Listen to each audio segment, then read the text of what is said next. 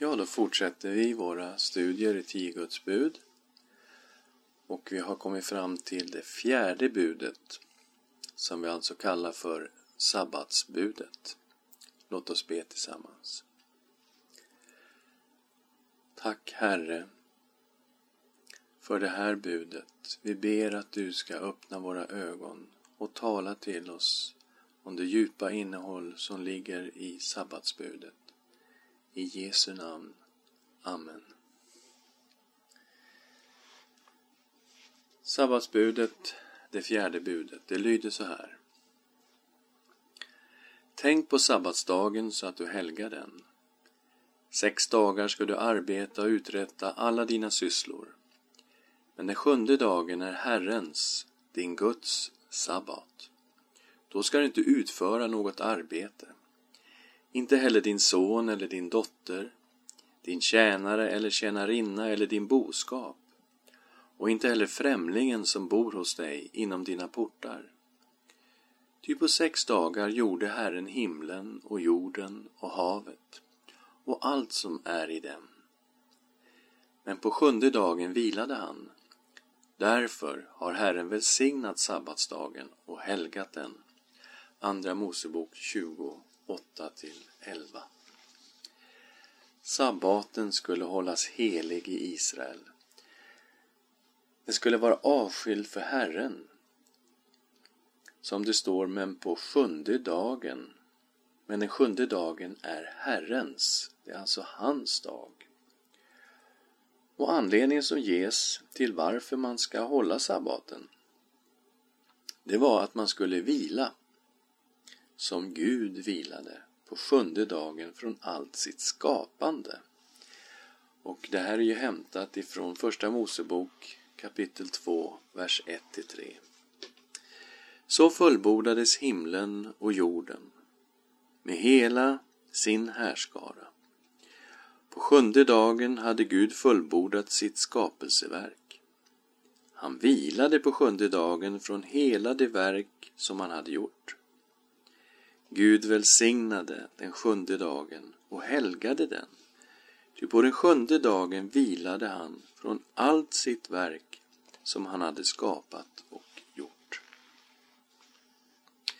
Så budet gällde vila från allt arbete.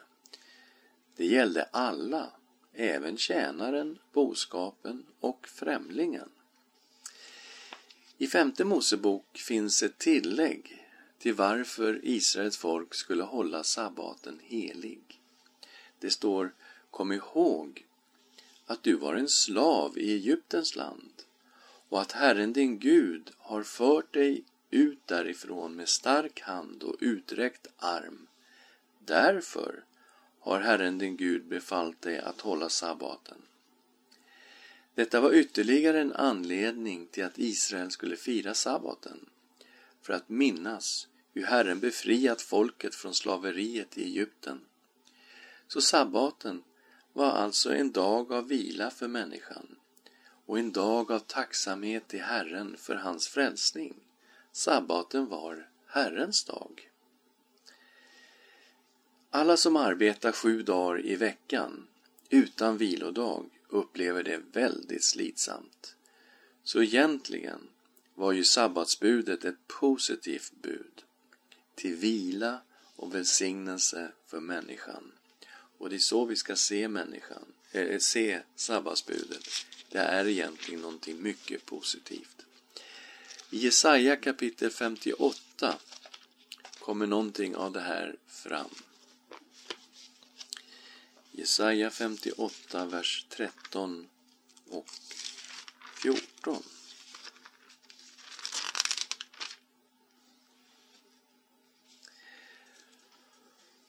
Om du hindrar din fot på sabbaten att göra vad du har lust till på min heliga dag. Om du kallar sabbaten din lust och förhärligar den till Herrens ära. Om du förhärligar den genom att inte gå egna vägar och inte göra vad du har lust till eller tala tomma ord då ska du fröjda dig i Herren. och jag ska föra dig fram över landets höjder och låta dig njuta av din fader Jakobs arvedel. Så har Herrens mun talat. Så här finns det ju en betoning på att detta är Herrens dag och att vi gör det till Herrens ära och vi fröjdar oss i Herren. Så sabbatsdagen är Herrens dag. Och det är någonting väldigt positivt. Det finns en välsignelse i den här dagen. Jesus sa ju också sabbaten blev gjord för människan och inte människan för sabbaten. Markus 2 och 27. Och det här innebär ju att sabbatsbudet är ju ett positivt bud för att människan behöver en dag av vila. Under ökentiden så försåg Herren folket med mat genom att det regnade manna från himlen. På sjätte dagen skulle folket samla in dubbelt så mycket manna så att det skulle räcka för sjunde dagen och då behövde de inte gå ut på sabbatsdagen och samla manna. Och vi läser om det här i Andra Mosebok eh, kapitel 16, vers 29 och 30.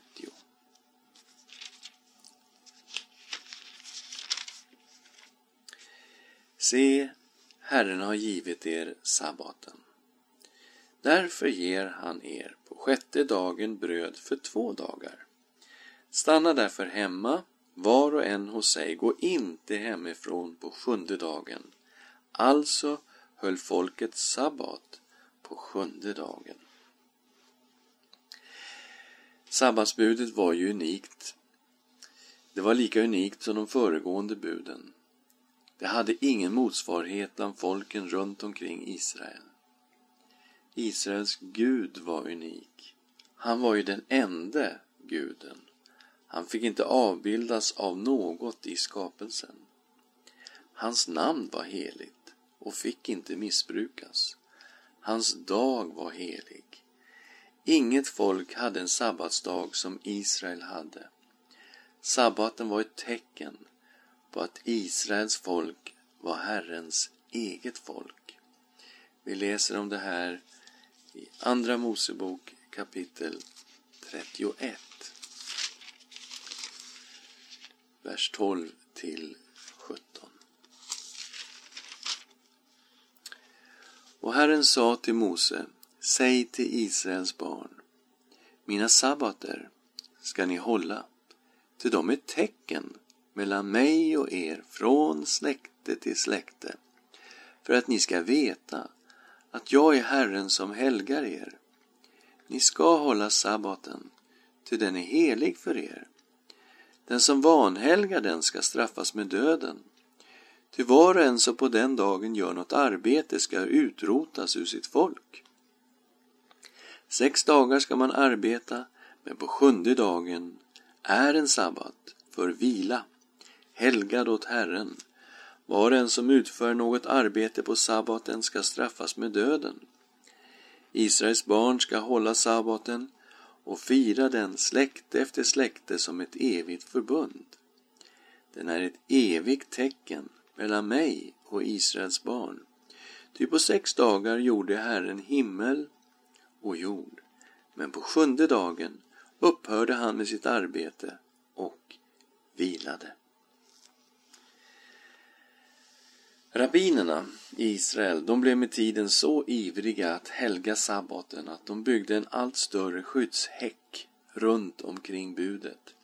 Och den här häcken den bestod av ytterligare bestämmelser som skulle skilja sabbaten från vardagarna. De här extra buden blev en källa till konflikt mellan Jesus och fariseerna. Och Jesus hade ju ingenting emot själva sabbaten. Han firade ju sabbaten själv, regelbundet. I Lukas fjärde kapitel, vers 14 16 läser vi.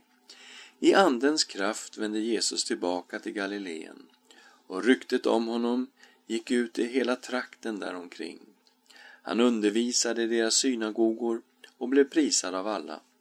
så kom han till Nasaret där han hade vuxit upp. På sabbaten gick han till synagogan som han brukade. Så, Jesus höll sabbaten, han gick i synagogan varje sabbat. Det var vanligt för honom, precis som han brukade göra, står det. Men eh, vad gällde då konflikten mellan Jesus och fariseerna? Jo, Jesus framhöll att kärleken och barmhärtigheten, som egentligen var hela lagens uppfyllelse, att den också fick betonas på en sabbat. Och det här ser vi ju när Jesus av kärlek botar människor på sabbaten. Människor som led av sjukdomar av olika slag. Till exempel i Lukas 13 kapitel, vers 10. En sabbat undervisade Jesus i en av synagogorna. Där fanns en kvinna som hade haft en sjukdomsande i 18 år. Hon var krokryggig och kunde inte räta på sig. När Jesus såg henne kallade han henne till sig och sa till henne, kvinna, du är fri från din sjukdom. Och så la han händerna på henne. Genast rätade hon på sig och prisade Gud. Men synagogföreståndaren blev upprörd över att Jesus botade på sabbaten. Och han sa till folket, sex dagar ska man arbeta. Kom därför och bli botade på dem och inte på sabbaten. Då svarade Herren honom, ni hycklare. Löser inte varenda en av er på sabbaten sin oxe eller åsna från krubban och leder bort och vattnar den? Men denna kvinna, en Abrahams dotter som Satan har hållit bunden i 18 år, borde hon inte få bli löst från sin boja på sabbaten? Med de orden skämdes alla hans motståndare, men allt folket jublade över alla underbara gärningar som han utförde. Jag har en liknande situation i 14 kapitlet, vers 1 till 6. När Jesus en sabbat gick in för att äta hos en av de ledande fariseerna vaktade de på honom. Och se en man som led av vatten i kroppen stod framför honom. Jesus frågade de laglärda och fariseerna, är det tillåtet att bota sjuka på sabbaten? Eller är det inte tillåtet? Men de teg. Han rörde då vid mannen och botade honom och lät honom sedan gå. Och han sa till dem, och någon av er har en son, eller så bara en oxe som faller i en brunn, skulle han då inte genast dra upp honom, även om det vore sabbat? De kunde inte svara på detta.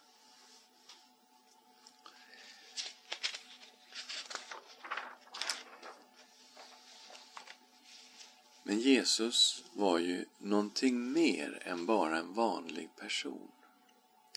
Han var Messias och Herren själv uppenbarade sig i honom. Därför var han den Gud som ursprungligen givit buden på Sina i berg. Om detta var sant, då måste han vara herre över buden. Och lyssna vad han sa. Människosonen är sabbatens herre. Matteus 12 och 8. Detta är ett uttalande som skulle ha skakat vem som helst i Israel på den tiden. Människosonen är sabbatens herre. Den ende som är sabbatens herre är Gud själv, Jahve, därför att sabbaten var Herrens dag. Apostlarna höll också sabbaten, men samtidigt visste de att Kristus hade frigjort oss från ceremoniallagen med alla sina regler för offer, mat och speciella dagar och mycket annat. Vi ser det här i Paulus undervisning i Kolosserbrevet kapitel 2, vers 16 och 17. Låt ingen döma er för vad ni äter och dricker, eller i fråga om högtid nymånad eller sabbat. Allt detta är bara en skugga av det som skulle komma. Men verkligheten själv är Kristus. Och vi har någonting liknande i Galaterbrevet kapitel 4, vers 8, där Paulus sliter sina hårtestar i förtvivlan över att galaterna vill gå in under lagen och hålla de här olika lagarna som finns i ceremoniallagen. Vi läser i vers 8, Galaterbrevet 4. Tidigare, då ni inte kände Gud, var ni slavar under gudar som egentligen inte är några gudar. Men nu, då ni känner Gud, ja, än mer har blivit kända av Gud, hur kan ni då vända tillbaka till dessa svaga och ynkliga människostadgar som ni på nytt vill bli slavar under? Ni iakttar noga dagar och månader och särskilda tider och år. Jag är rädd att jag ansträngt mig förgäves bland er. Så det fanns en frihet i Kristus i förhållande till dagar och tider och år, alla dessa regler som fanns i ceremoniallagen. Faktum är att den kristna församlingen började under apostlarnas ledning att fira den första veckodagen. Varför den första veckodagen? Jo, det var den dag som Herren uppstod från de döda. Han visade sig för lärjungarna den första veckodagen och en vecka senare, på den första veckodagen, var han där igen och uppenbarade sig och visade sig för Thomas, som vi läser om i Johannes evangeliet. Och ett begrepp uppstod till slut, begreppet Herrens dag. Vi finner det i Uppenbarelseboken kapitel 1, vers 9 och 10. Jag, Johannes, er broder, som med Jesus delar lidandet och riket och uthålligheten med er. Jag befann mig på den ö som kallas Patmos för Guds ords och Jesu vittnesbörds skull. På Herrens dag kom jag i anden. Detta uttryck, Herrens dag, det syftar på Jesu dag, den första veckodagen. Men man kan inte därför dra slutsatsen att apostlarna frångick själva grundidén med sabbaten, nämligen en dag som skulle vara helgad åt Herren en dag av vila från arbete, en dag när man tackade Herren för hans frälsning.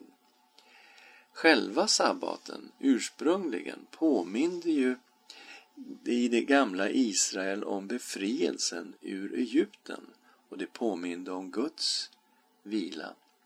Guds fullkomliga shalom som rådde i paradiset, där allt var gott och där Guds frid rådde. När vi kommer till Nya testamentet så är det frälsningen till denna eviga Guds vila som sabbaten påminner. Vi hittar det i Hebreerbrevet kapitel 4, vers 1-11. Låt oss därför med fruktan se till att ingen av er visar sig bli efter på vägen när nu ett löfte att komma in i hans vila står kvar. Ty evangeliet predikades för oss, liksom för dem. Men för dem blev ordet de hörde inte till någon nytta, eftersom de inte genom tron hade smält samman med dem som hörde det. Det är vi som tror som går in i vilan. Det handlar alltså om den, den fulla sabbatsvilan. Den sabbatsvila som vi är på väg till. Den himmelska vilan. Herren säger, då svor jag i min vrede, det ska aldrig komma in i min vila. Och han talar alltså om den generation som föll i öknen, i Sina i öknen. Och detta fastän hans verk stod färdiga sedan världens grund blev lagd. Ty på det stället om den sjunde dagen säger han Och Gud vilade på den sjunde dagen från alla sina verk. På det här stället säger han, det ska aldrig komma in i min vila. Det står alltså fast att somliga går in i vilan och att de som först fick höra evangeliet predikas inte kom in för sin olydnads skull. Därför bestämmer han på nytt en dag som han kallar idag när han långt senare säger genom David vad som redan är nämnt. Idag, om ni hör hans röst, förhärda inte era hjärtan. Ty, om Josua hade fört dem in i Guds vila skulle Gud inte längre fram ha talat om en annan dag. Alltså finns det en sabbatsvila kvar för Guds folk. Den som har kommit in i hans vila får vila från sina gärningar, liksom Gud vilade från sina. Låt oss därför ivrigt sträva efter att komma in i den vilan, så att ingen kommer på fall som det och blir ett exempel på olydnad. Så här talas det om en sabbatsvila i det nya testamentet och det handlar om den eviga härliga frälsningen i Jesus Kristus. Naturligtvis så har det återverkningar på den tid vi lever nu där vi kan leva i vilan på Kristi fullbordade verk. Men själva huvudtanken är att vi ska hålla ut i tron hela vägen tills vi kommer fram till Guds sabbatsvila, den eviga vilan. Vad är då vilodagen för oss? Jo, det är en vilodag för Herren. En vila och en glädje inför Guds ansikte. Han som skapade allt. Precis som Israels folk på sabbaten påminnes med tacksamhet om hur Herren befriade dem från slaveriet i Egypten och förde dem till löftets land, så kan vi påminnas om hur vi blev befriade från slaveriet i världen och nu förs till det eviga löfteslandet. Herrens dag är en glädjens och tacksamhetens dag. Och vi behöver tänka på hur vi ska återupptäcka välsignelsen av Herrens dag i en stressad tid som vår, där vi varvar ner inför Guds ansikte och gläder oss i Herren. Låt oss be tillsammans. Tack Herre för sabbatsbudet, ett så positivt bud som gjordes för människans skull och inte människan för sabbatens skull. Hjälp oss att se välsignelsen av detta bud, en vilodag inför ditt ansikte, en Herrens dag när vi får glädjas inför ditt ansikte. I Jesu namn. Amen.